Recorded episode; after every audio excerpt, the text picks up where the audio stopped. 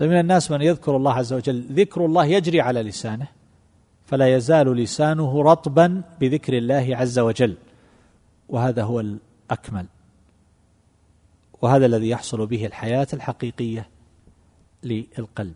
ومن كان بهذه المثابة فلا يمكن لا يمكن أن يحصل له غم وهم وكدر وحزن لا يعرف سببه. قد يوجد حزن له سبب مدرك ويزول.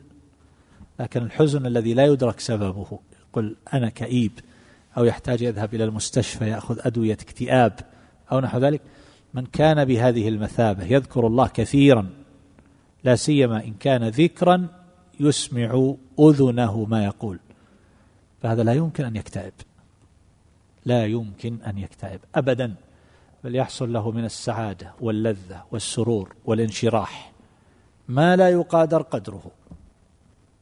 ما لا يقادر قدره. ولا يحتاج أن نجرب لأن هذه الأمور لا تحتاج إلى تجربة. لكني أقول أكثر من ذكر الله عز وجل وسترى. وسترى.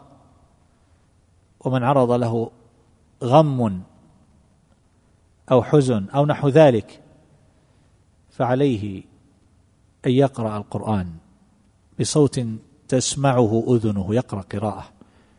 لو قرأ سورة البقرة فإنه لا يختمها حتى ينجلي ما في نفسه. لا يبقى مع آخرها شيء. تغسله غسلا.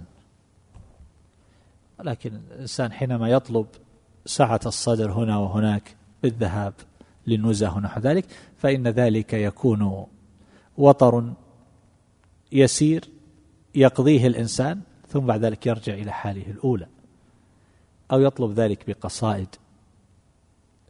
أو نحو هذا أشعار أو فإن ذلك لا يمكن أن يجلو ما في النفس والنفس على كل حال لا يمكن أن تكون لها حياة حقيقية إلا بذكر الله جل جلاله